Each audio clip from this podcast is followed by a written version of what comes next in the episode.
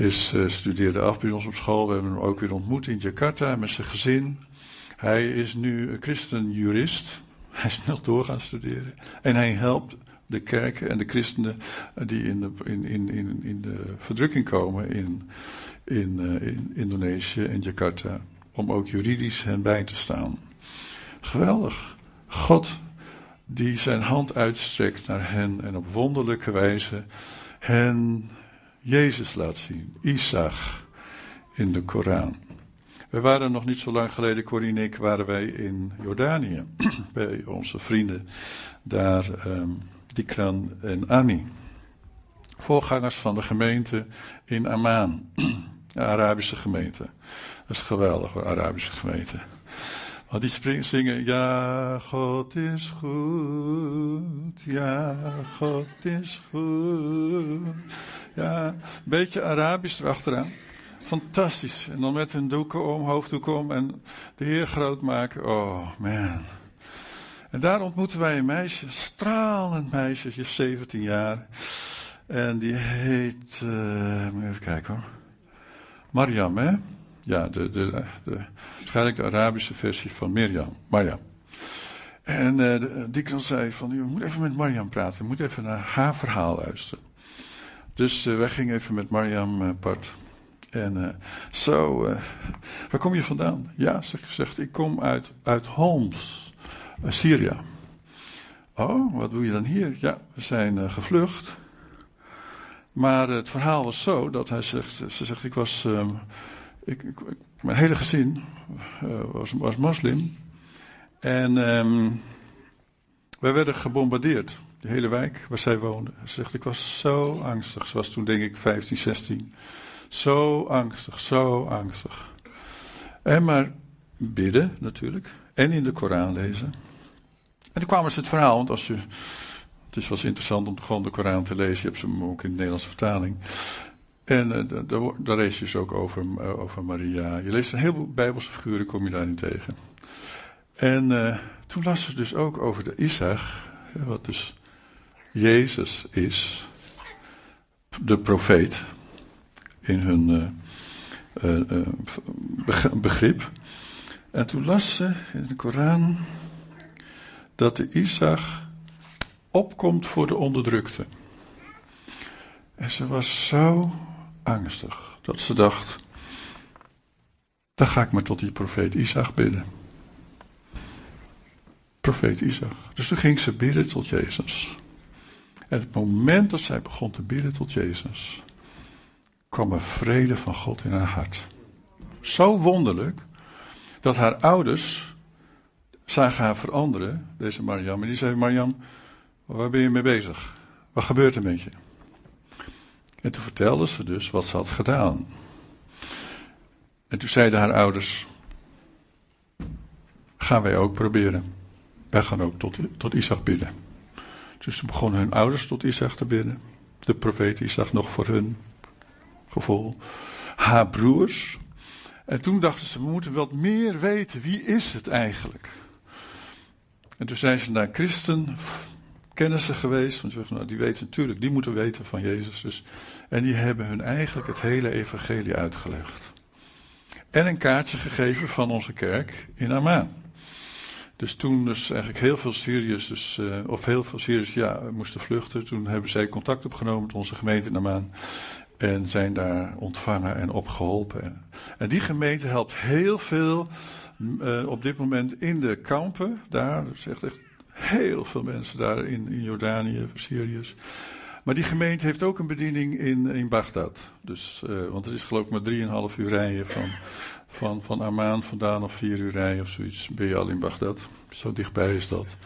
En heeft een van de oudsten in de gemeente heeft een bediening onder de weduwvrouwen. Hij is een vrouw, onder de weduwvrouwen van Bagdad. En uh, zo zien we dat God is op een of andere manier bezig, ondanks de warrigheid die op ons afkomt, ondanks dat wij niet alles kunnen plaatsen, ondanks dat van allerlei meningen te horen zijn, hè, ook in Nederland. Ik geloof toch dat achter alles God uiteindelijk nog steeds aan de touwtjes trekt. Amen. Zoals hij dat deed in China. waar eigenlijk de kerk en de christen zijn werd onderdrukt. En kijk nu eens hoe groot die, de gemeente daar is geworden, ondanks de verdrukking en tegen de verdrukking in. En we weten ook niet wat er met ons gaat gebeuren, we weten het niet. Maar we weten alleen dat we klaar moeten zijn om gastvrij te zijn, want dat is een bijbels principe. Daar wil ik het vanmorgen eigenlijk over hebben. Daar ga ik iets over zeggen en dan lees ik daarna aan het eind. Dan vraag ik straks aan het einde Marja misschien om mij even te helpen, want die brief is nog in het Engels. En dan kunnen we niet samenkomen door uit, Marja. Ik heb namelijk een brief gekregen van een voorganger uit het Midden-Oosten. Ik kan zijn naam niet noemen. Uh, maar hij is dus een voorganger uit een van deze landen. Ons op. Hij roept ons.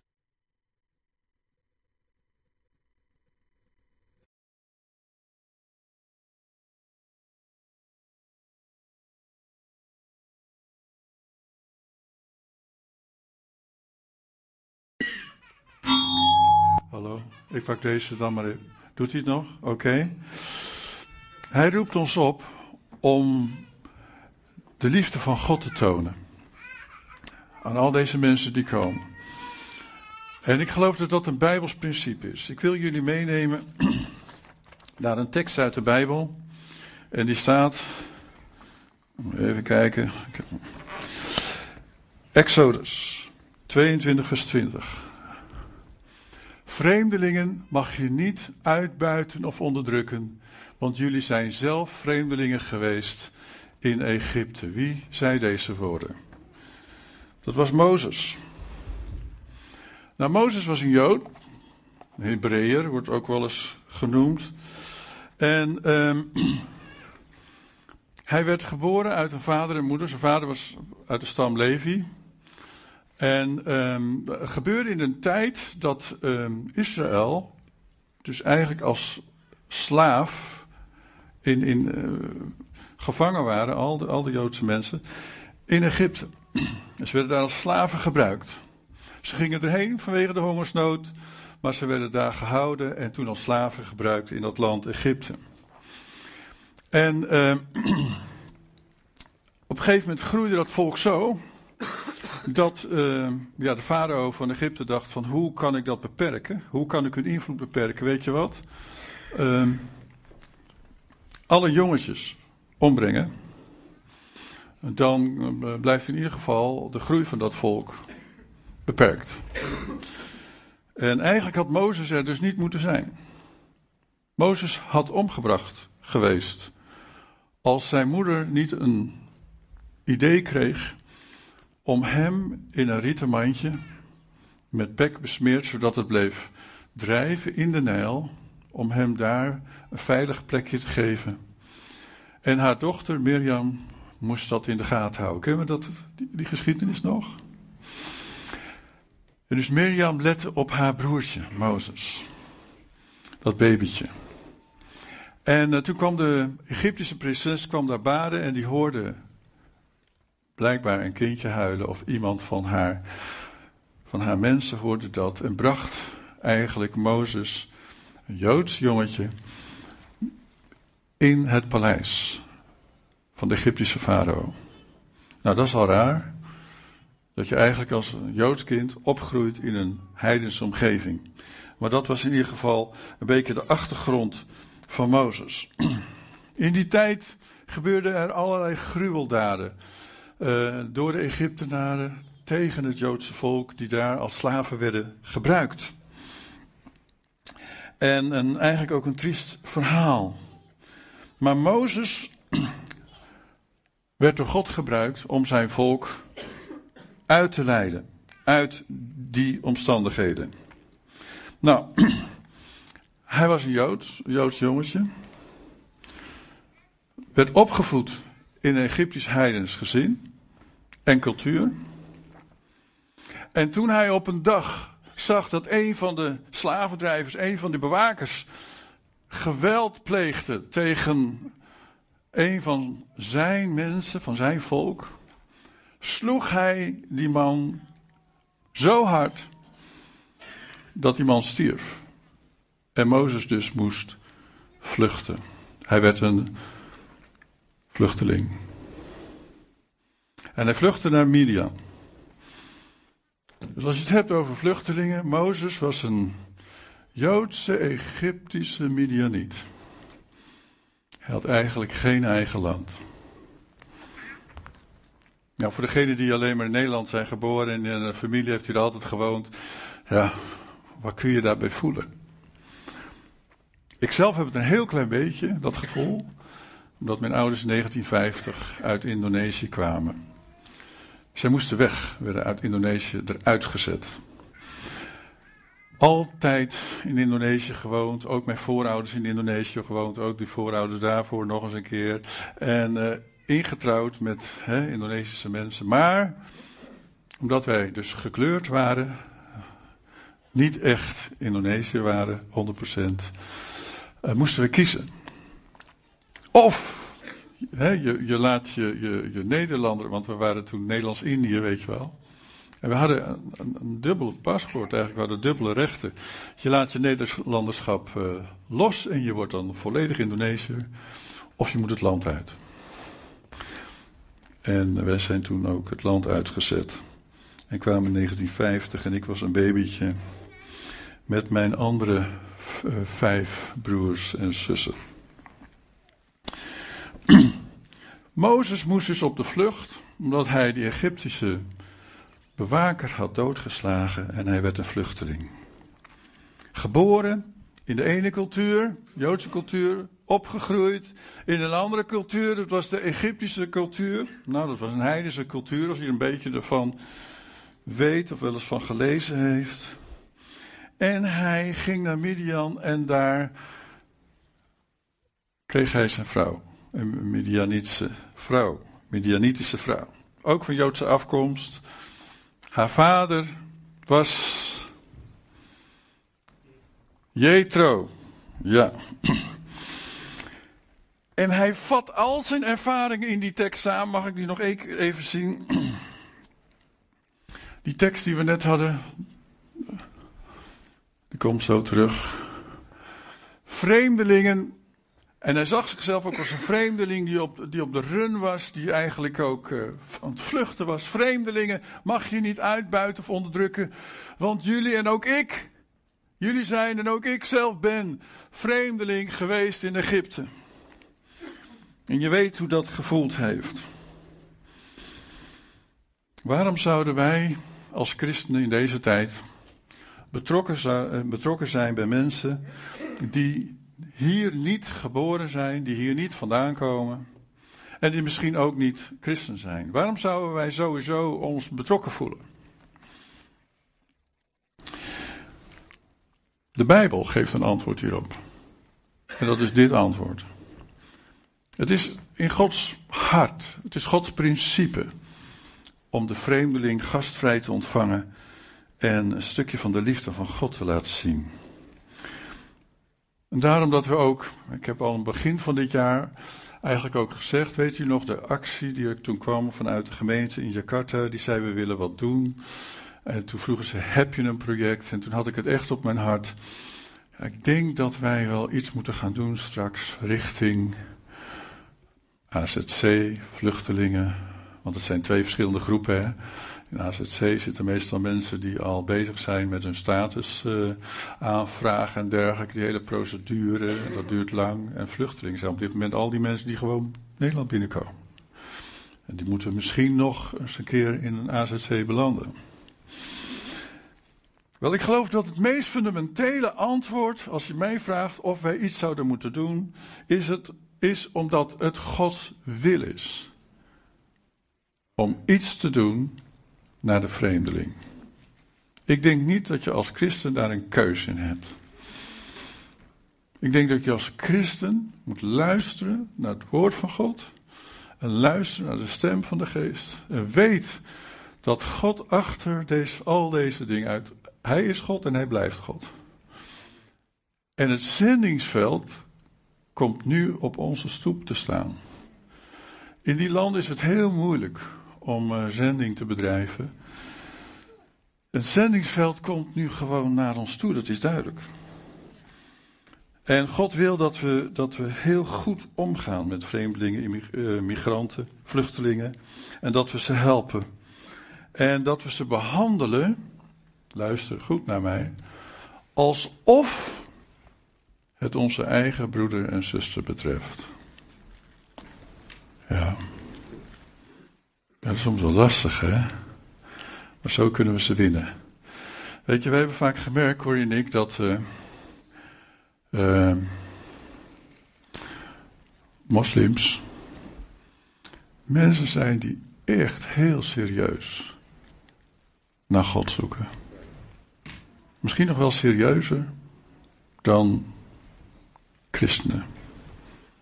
In het algemeen zijn het mensen die echt naar God zoeken.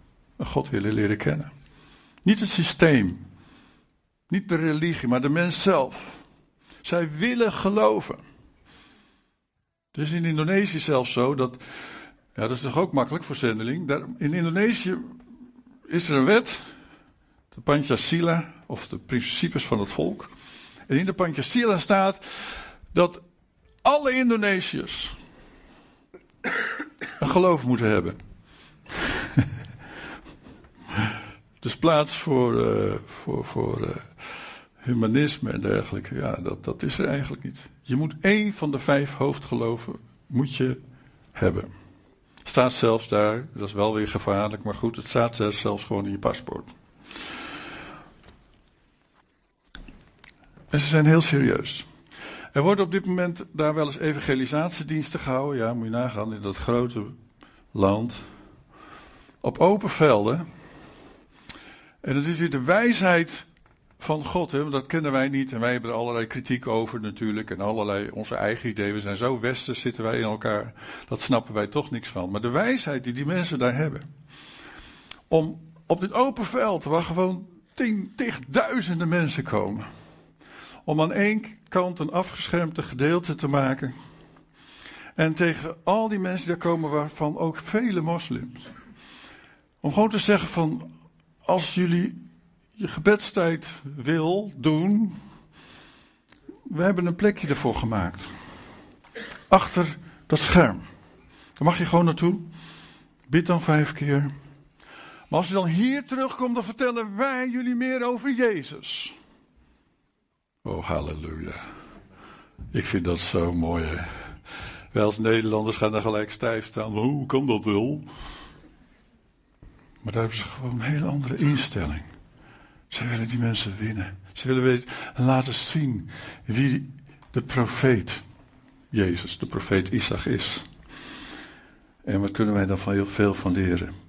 En heel veel mensen komen daar tot geloof in de Heer Jezus Christus. Het is zelfs zo dat in Midden-Java, uh, Yogyakarta, Solo, daar komt onze zoon uh, vandaan,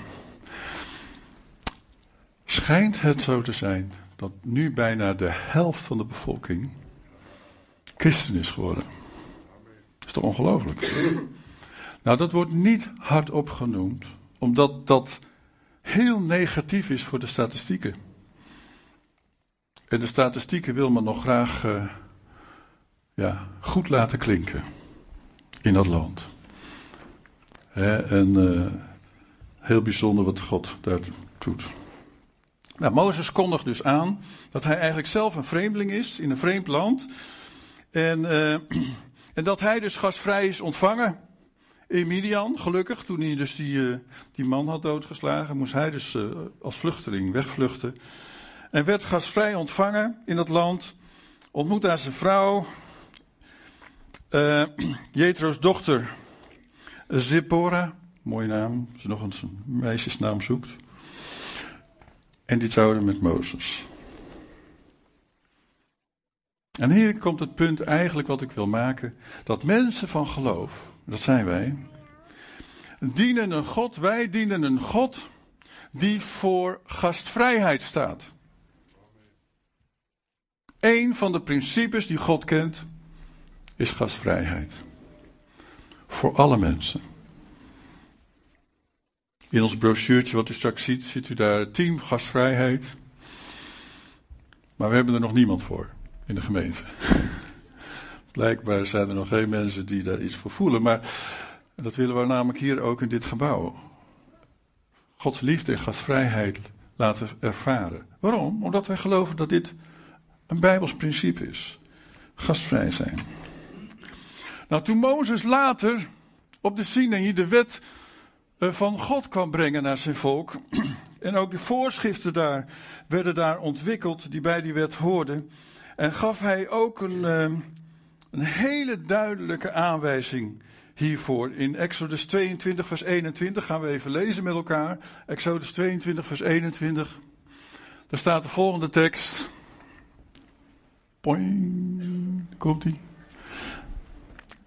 Vreemdelingen mag je niet uitbuiten of onderdrukken. Hetzelfde eigenlijk als die, die we net gelezen hebben. Want jullie zijn zelf vreemdelingen geweest in Egypte. En dan in hoofdstuk 23, vers 9. Die bedoel ik eigenlijk. Vreemdelingen mag je niet uitbuiten. Jullie weten immers hoe het voelt om vreemdeling te zijn. Omdat jullie zelf vreemdelingen zijn geweest in Egypte. Je weet trouwens, overigens, hè, dat ons Egypte, geestelijk gezien, was ons leven zonder God. Ja? Uit daaruit zijn wij getrokken, zijn wij weggehaald, gelukkig, door de liefde van Jezus. we hebben Jezus ontmoet.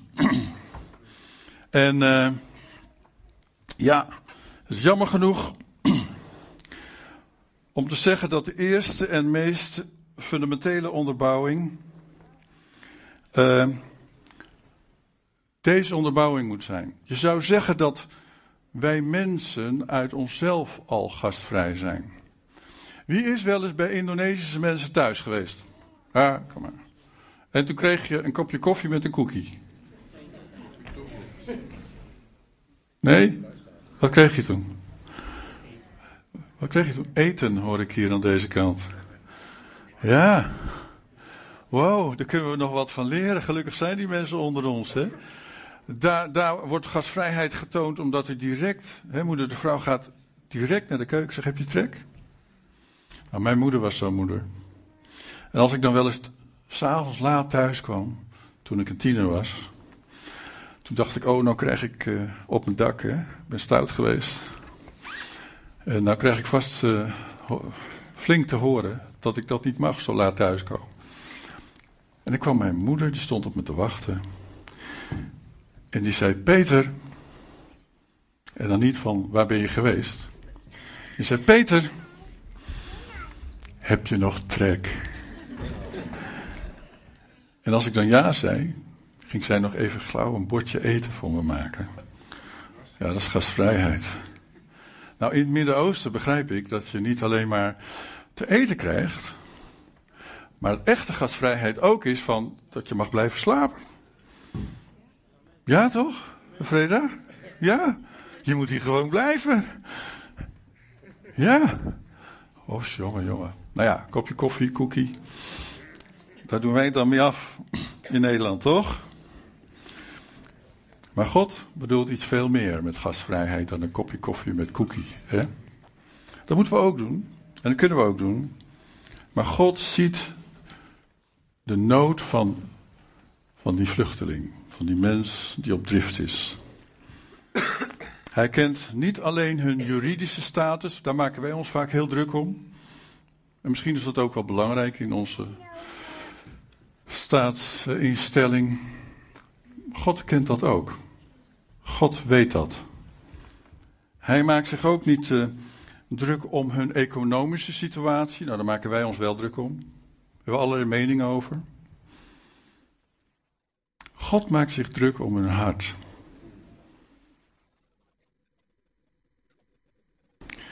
En doen wij dat dan ook? Doen wij dat dan ook? Begrijpen we dan misschien met elkaar van achter al deze warrigheid? Natuurlijk kun je er allerlei meningen over hebben, maar achter deze warrigheid hebben wij ook dat hart van God. O Heer, zou er misschien een zegen kunnen zijn voor iemand die op zoek is naar u. Nieuw Testament spreekt er ook over, Romeinen 12, vers 13. Er staat: Bekommer u om de noden van de heilige, wees gastvrij. Gastvrijheid was een heel belangrijk iets. 1 Petrus 4, vers 9 en 10. Wees gastvrij voor elkaar, zonder te klagen. Laat ieder van u de gave die hij van God gekregen heeft gebruiken om de ander daarmee te helpen. Zoals het goede beheerders van Gods veelsoortige gaven betaamt. En nog een andere, Hebreeën 13, vers 1 en 2. Houd de onderlinge liefde in stand. Houd de gastvrijheid in ere. Want zo hebben sommigen, zonder het te weten, engelen ontvangen. Oh, halleluja. Ik zoek voor woensdagavond nog een, uh, een gezinnetje waar ik kan aanschuiven. Ik ben geen engel, maar uh, voor degene die nog plek heeft, laat het me maar weten. Nee, ik ben geen engel, maar geen grapje hoor. Oh, daar zie ik al een hand. Ik heb uw hand gezien, zuster. En een andere keer kom ik bij u, broeder. Maar dat is wel wat God ons opdraagt met elkaar. Om in liefde en gastvrijheid ons uit te strekken naar de vreemdeling die zich bevindt in een vreemd land. Nou, natuurlijk zijn we als kerk, en eh, ik ben bij een bijeenkomst geweest van het COA in, uh, in Driebergen. Dat was bij ons samen met, uh, ook met, met de EA, dat heet nu geloof ik Missie, Missie Nederland. Van wat horen wij te doen? Het zal toch niet zo zijn dat de hulp en de liefde die wordt aangeboden, eigenlijk door de maatschappij wordt gedaan en niet door de christenen. Dat zou toch verschrikkelijk wezen? Wij stonden bekend als een christelijk land. Wij stonden bekend vanwege onze christelijke roots. Dat we altijd onze armen uitstrekten naar mensen in nood. Wij stonden bekend dat als er een landelijke actie werd gehouden, inzamelingactie, dat per persoon en in Nederland veel werd gegeven. Maar dat komt vanuit onze christelijke principes vandaan. Nou is ons land minder christelijk. En nou zien we dat ons hele land in beweging kom, komt. En zou de kerk daar niet bij voorop moeten lopen? Ik weet nog goed dat het tsunami was. Weet jullie dat nog? Verschrikkelijk, hè? En uh, honderdduizenden mensen verloren hun leven. Ook onder andere in Sumatra, Aceh. En um, wij hebben Convoy of Hope binnen onze kerken. Dat is een noodhulporganisatie. Um, die zitten nu overigens ook in Bulgarije en in Griekenland. Dus aan de buitengrens van Europa om daar te helpen. Maar goed, daar gingen echt honderdduizenden mensen gingen, kwamen erom. Honderdduizend geloof ik alleen al in Aceh. En ik ben daarheen gegaan drie jaar later, omdat wij daar drie schoolgebouwen hebben, opnieuw hebben gebouwd. Uh, met onze organisatie, met onze kerk. Uit Nederland was er geloof ik uh, ongeveer 160.000 of 200.000 euro gegeven. Uit Europa meer dan een miljoen. En wereldwijd in deze organisatie als gezamenlijke kerk heel veel. Drie schoolgebouwen hebben we compleet opnieuw gebouwd. Ja, in sommige volledige moslimdorpen. Maar ik heb met die mensen gesproken. Ik heb ten eerste gevraagd: wat hebben jullie meegemaakt? Toen die tsunami kwam, hoe ging dat? Vreselijk. Om te horen, twee mannen, die woonden naast elkaar, twee vissermannen. De een was in zijn bootje op zee en de, de ander was thuis. Die thuis was, die heeft kunnen rennen. Ja, hoe, hoe, lang moet je en hoe ver moet je niet weten. Maar op een gegeven moment spoelde het water over hun knieën heen. Maar heeft zijn gezin kunnen redden. En die andere man was in zijn kleine bootje op zee. Werd natuurlijk door de golf opgetild. Maar toen hij thuis kwam, was zijn hele gezin omgekomen. Kon ze zelfs niet meer terugvinden. Deze twee mannen waren daar aan het metselen. Samen weer hun twee huisjes naast elkaar. En ik heb ze geïnterviewd. En toen vertelde ze. Hij zegt: Weet je, de eerste mensen die ons hier kwamen helpen. Dat waren christenen. Niet onze eigen mensen. Want die durfden eigenlijk niet aan dat oordeel van God te komen. Maar de eerste mensen die hier kwamen waren christenen. En dat vergeten we nooit. Wel, ik hoop dat wij dat samen straks met elkaar kunnen betekenen. Dan gaan we natuurlijk, we gaan, we gaan, we gaan horen wat de regels erover zijn. We gaan horen wat wel kan, wat niet kan. Dat gaan we allemaal horen. We gaan kijken waar wij in passen en wat we zouden kunnen doen. Ik wil eindigen met een brief. Ik wil Maria vragen mij te helpen. Deze brief kreeg ik van een collega uit het Midden-Oosten, een voorganger uit een van deze landen. En Marja gaat me helpen die te vertalen. Ja. Deze microfoon even. Doet hij het? Oké. Ja. Dus het is van een voorganger uit het Midden-Oosten, uit een van die landen. Hij zegt: We are very, we are in a very critical period of time. We zitten in een hele kritieke periode. Concerning the refugees flooding into your countries. Wat betreft de vluchtelingen die je land binnenstromen. You have a golden opportunity. Je hebt hier een gouden gelegenheid. You either choose it or lose it. Je kiest ervoor of je verliest het. And lose Europe forever. En dan verlies je Europa voor, voor eeuwig. Families arriving to your seashores are broken. De families die bij jullie aan de kusten aankomen zijn helemaal gebroken. They are wounded and needy. Ze zijn verwond en ze hebben nood. A warm welcome may change their perspectives. Als jullie hen een warm welkom geven, dan zullen hun vooruitzichten veranderen. And will change their beliefs in En- no time. En zal hun geloof in, in, geen, in een momentje veranderen. They are fleeing from the tyranny of Islam Ze zijn de tirannie van de islam, hebben ze ontvlucht. and are in real struggle about their convictions. En hebben echte eh, worstelingen over hun overtuigingen. They grew up with the mentality of being the best nation Ze zijn opgegroeid met de mentaliteit van wij zijn het beste land, de beste natie. and the best religion En we hebben het beste geloof over uh, of all the earth van de hele wereld. and are brainwashed that all others are lost. En ze zijn gehersenspoeld en denken dat alle andere mensen verloren zijn. They were never allowed to think or doubt. Ze zijn nooit, eh, het is hen nooit toegestaan om na te denken over hun geloof, of hun geloof in twijfel te trekken. It all came down from God. Het is allemaal, de islam kwam allemaal van God. Now it is time to act. Maar nu is het de tijd om te handelen. Now is the time to wake up with a new crusade carrying the real weapons this time.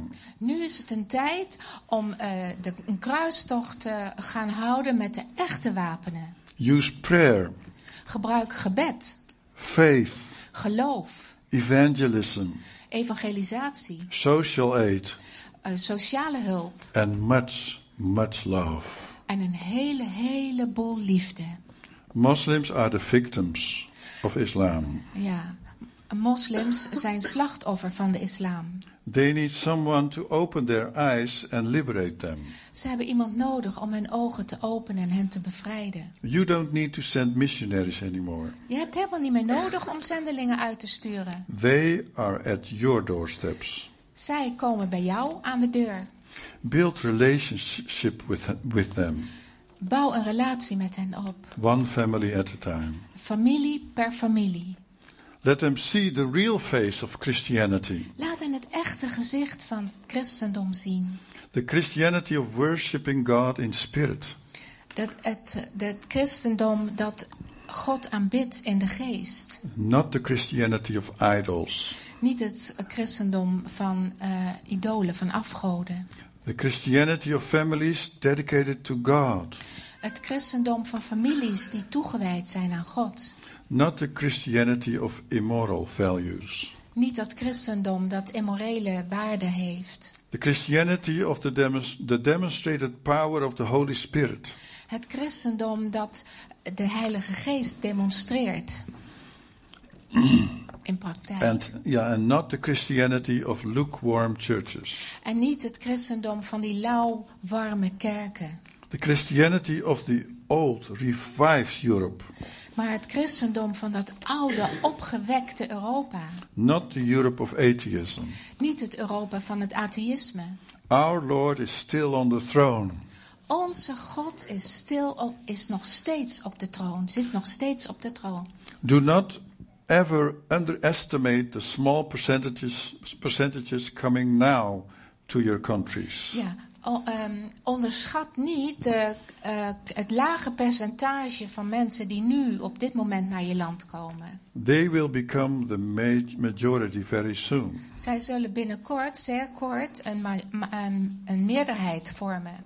They don't have to they don't have to preach Islam. Zij hoeven de islam niet te prediken. They don't have to fight. Zij hoeven niet meer te vechten. Most of your families have a child and a dog. Eh, de meeste van jullie hebben een kind en een hond. Their families have six or seven children. Hun families hebben zes of zeven kinderen. It is a strategy. strategy. Dat is een strategie. Be cautious, the enemy is so devious. Ja, wees gewaarschuwd, want de vijand is heel verraderlijk. One of our old famous Arabic poets once wrote Een van onze beroemde Arabische poëten schreef. The Christianity. Oh, no, no, sorry. Um, hij schreef: If you see the teeth of the lion, Als je de tanden, zodra je de tanden van de leeuw ziet, do not ever think that the lion is smiling. denk dan niet dat die leeuw aan het glimlachen is. Muslims are not our enemies, De moslim is niet onze vijand. they are our beloved brothers Ze in, zijn in humanity, Ze zijn onze geliefde broers in menselijkheid. with many wonderful Middle East habits. Met een heleboel geweldige Midden-Oosterse gewoonten. They are generous in hospitality, Ze zijn heel gastvrij merciful to the poor, en ehm, genadig voor de armen.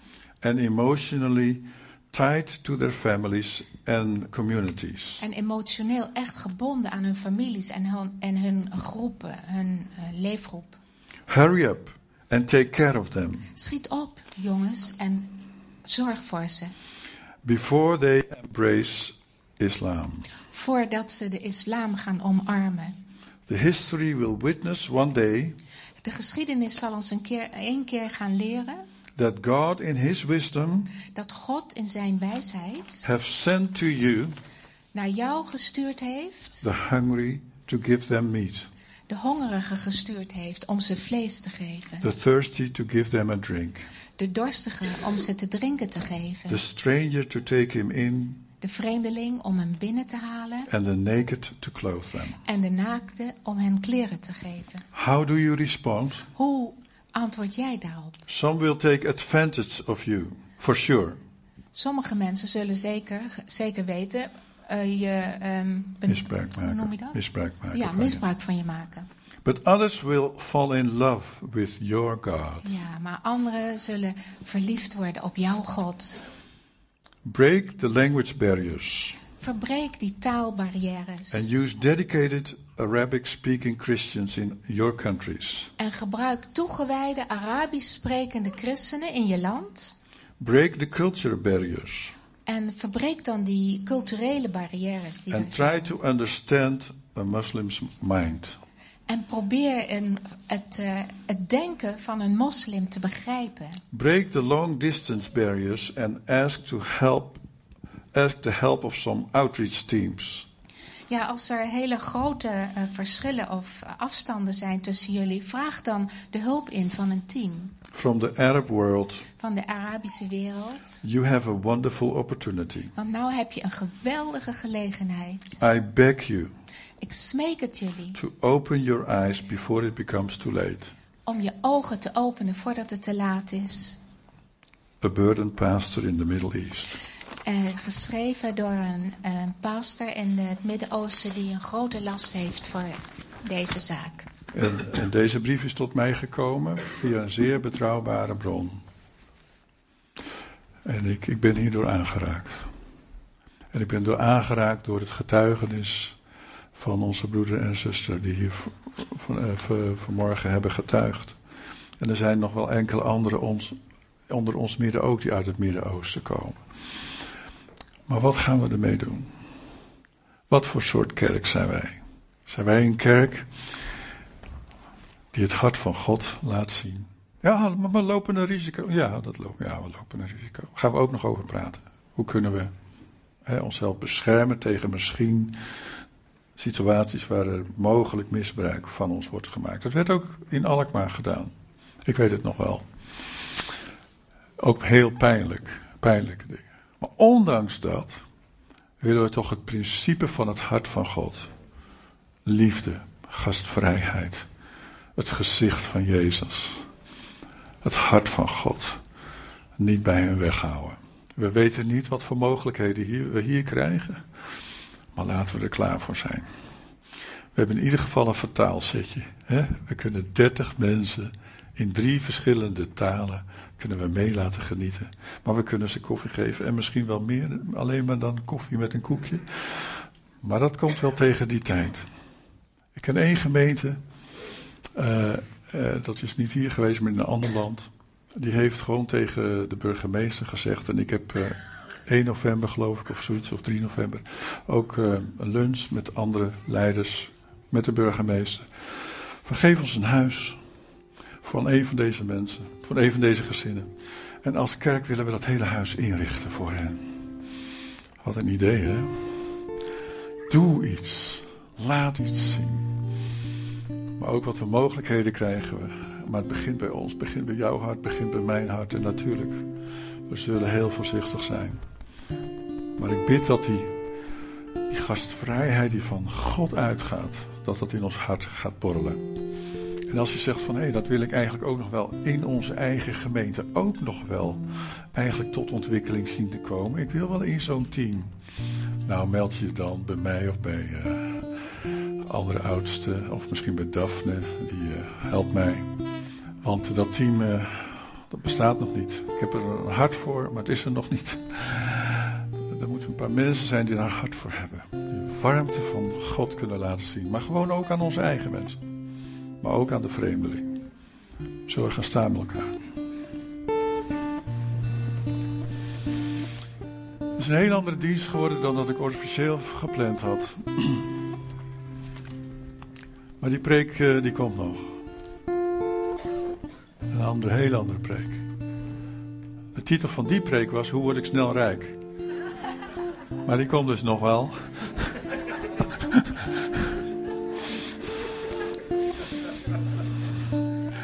Maar die is ook, eh, er zit een dubbele bodem in hoor, let op. Zullen elkaar een hand geven met elkaar? We willen, laten we de Heer vragen om, om zo'n gemeente te zijn en ons te helpen. We weten, we weten ook niet precies hoe we dat in weten we nog niet. Maar ik heb wel op mijn hart dat wij iets gaan zien. Iets gaan laten zien van het, van het hart van, van God. Van het gezicht van Jezus. Van werkelijk God kennen, van werkelijke aanbidding van werkelijk God aanbidden in geest en aan waarheid. En niet alleen maar een traditioneel uh, of een, een, een Hollywood uh, christendom, wat in hun gedachten vaak is. Vader, wij komen tot u. Dank u wel voor de lessen in uw woord. Heer, waarin wij zien dat het gastvrij zijn, dat het uit uw hart voortkomt. Heer, en dat we ook zien dat Mozes er al over spreekt. Maar dan zoveel andere teksten die ik nog allemaal niet genoemd heb. Tot in het Nieuwe Testament. Heer, waarin de zorg voor elkaar. Maar ook het elkaar een, een hand toereiken. Een arm zijn om elkaar heen. Heer, dat dat te maken heeft met uw hart. Heer Jezus, dat u bent gekomen naar deze wereld om ons in te sluiten in uw armen. Heer, we kunnen dat bijna niet vatten. En nu mogen wij ook meewerken om samen dat koninkrijk van God op te bouwen. Heer, en er komen straks veel mensen ook deze kant op en we weten niet precies hoe dat allemaal zal gaan. Maar ik bid, Heer, laat ons zo gemeente zijn met elkaar. Met een hart voor de vreemdeling die zich bevindt in een vreemd land. Heer, zoals Mozes. Heer, hij wist eigenlijk bijna niet meer tot welke cultuur behoor ik nou eigenlijk, al wist hij wel. Heer, dat hij een Jood was. Heer, maar opgegroeid in, in een heidens paleis. Gevlucht naar Midian. Waar hoor je nog bij? En zo zullen heel veel mensen hier zijn, onzeker. Onzeker over wie ze zijn en onzeker over hun toekomst. dan bid ik, Heer, dat ze het hart van God mogen ontmoeten.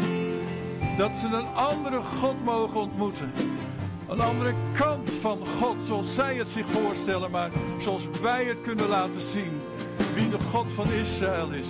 Van, Is van Abraham, Isaac en Jacob. De Vader van de Heer Jezus Christus. En dat we die God aanbidden door de Heilige Geest. Heren, zo bid ik dat onze gemeente gebruikt mag worden. Maar ook in ieder van ons werk in ons hart, Heer. Wat wij zouden kunnen doen als het gaat om gastvrijheid. Dank u voor zoveel momenten van gastvrijheid die ik zelf al heb mogen ervaren in deze gemeente. Maar Heer, u gaat ons verder brengen. U bent met ons bezig. Heer, om ook naar buiten uw gastvrijheid, uw hart te laten zien. Zo bid ik een zegen over ons allen. Wilt u het verder uitwerken? Wilt u nieuwe liefde geven? Wilt u angst en vrees wegnemen? Wilt u nieuwe contacten geven? Mogelijkheden? In deze stad Zutphen. Heer, dat wij een kerk mogen zijn, een gemeente mogen zijn met geestelijke invloed in deze stad. Heer, zodat we ook, ook op dat terrein, daar waar misschien deze stad zich zal afvragen, wat komt er op ons af? Heer, dat we daar tussen mogen staan. Met de zekerheid. Heer, dat wij uw gezondenen zijn. En dat we een boodschap hebben. Dank u, Heer Jezus.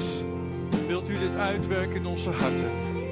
We bidden op dit moment voor Syrië en de Syrische vluchtelingen. Heer, we bidden voor hen die op dit moment in Jordanië zijn. Honderdduizenden. Heer, we bidden voor uh, andere landen, Irak op dit moment. Heer, en waar zoveel nood is, zoveel angst is. We bidden voor Iran. Heer, we bidden voor Turkije. We bidden voor Israël, Heer, die daar midden tussen zit. En waar je op de Golanhoogte de kanonnen kunt horen van, van ISIS. Heer, we bidden voor Egypte. We bidden voor de Noord-Afrikaanse landen. Heer, we begrijpen niet precies wat er allemaal gebeurt. We weten alleen dat u God bent. U bent God, heren. En wij eren u. En wij vertrouwen u. Dat u uiteindelijk de grote regisseur bent. Dank u, Heer Jezus. Ons zo zegenen en gebruiken. En stel ons ook tot zegen voor elkaar. In de naam van Jezus. In de naam van Jezus. In de naam van Jezus. Halleluja. We gaan zo deze dienst beëindigen, maar ik wil toch een uitnodiging doen. Misschien is hier vanmorgen iemand die zegt: uh, Ik voel me hier eigenlijk een vreemde. Waar hebben jullie het eigenlijk allemaal over? Waar gaat het allemaal over? Ik voel me, ik voel me niet. Dan zou ik zeggen: Ik hoop dat je je thuis gaat voelen. En misschien moet je de eigenaar van dit huis ontmoeten. En dat is Jezus Christus. En die willen we graag aan je voorstellen. Kom dan naar voren zo. Ga ik zo met je in gesprek of ook iemand anders. En gaan vertellen wie Jezus is. Maar misschien zijn er ook mensen die zeggen van... Uh, ik, mijn hart gaat er wel naar uit, maar ik, ik, ik heb ook last van die, van die zorg en die angst. Wat gaat er niet allemaal gebeuren? Mag je ook komen? Gaan we samen bidden? Gaan we onszelf samen versterken? in de Heer. Amen. Amen. Prijs de Heer. Ik wil uh, vragen, wil jij nog ervoor komen af te sluiten, Arenda?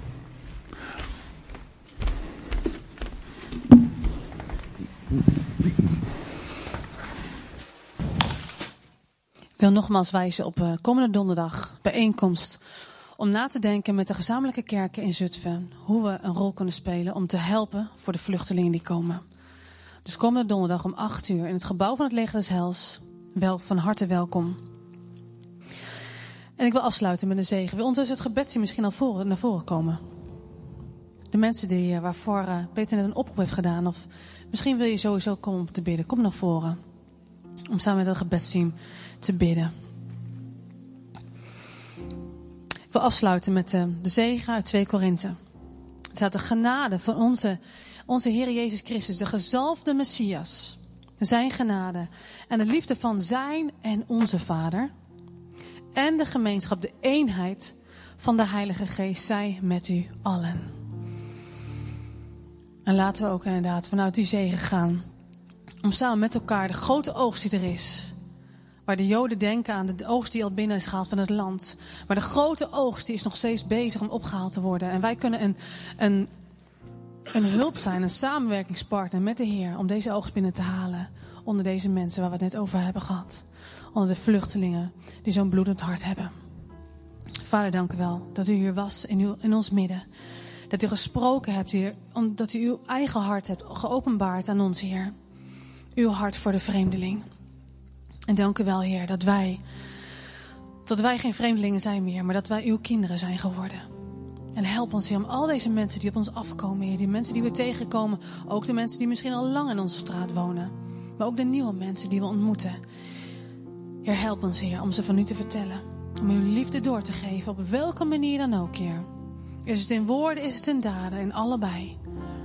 Is dat die grote oogst, Heer, voor u binnengehaald wordt.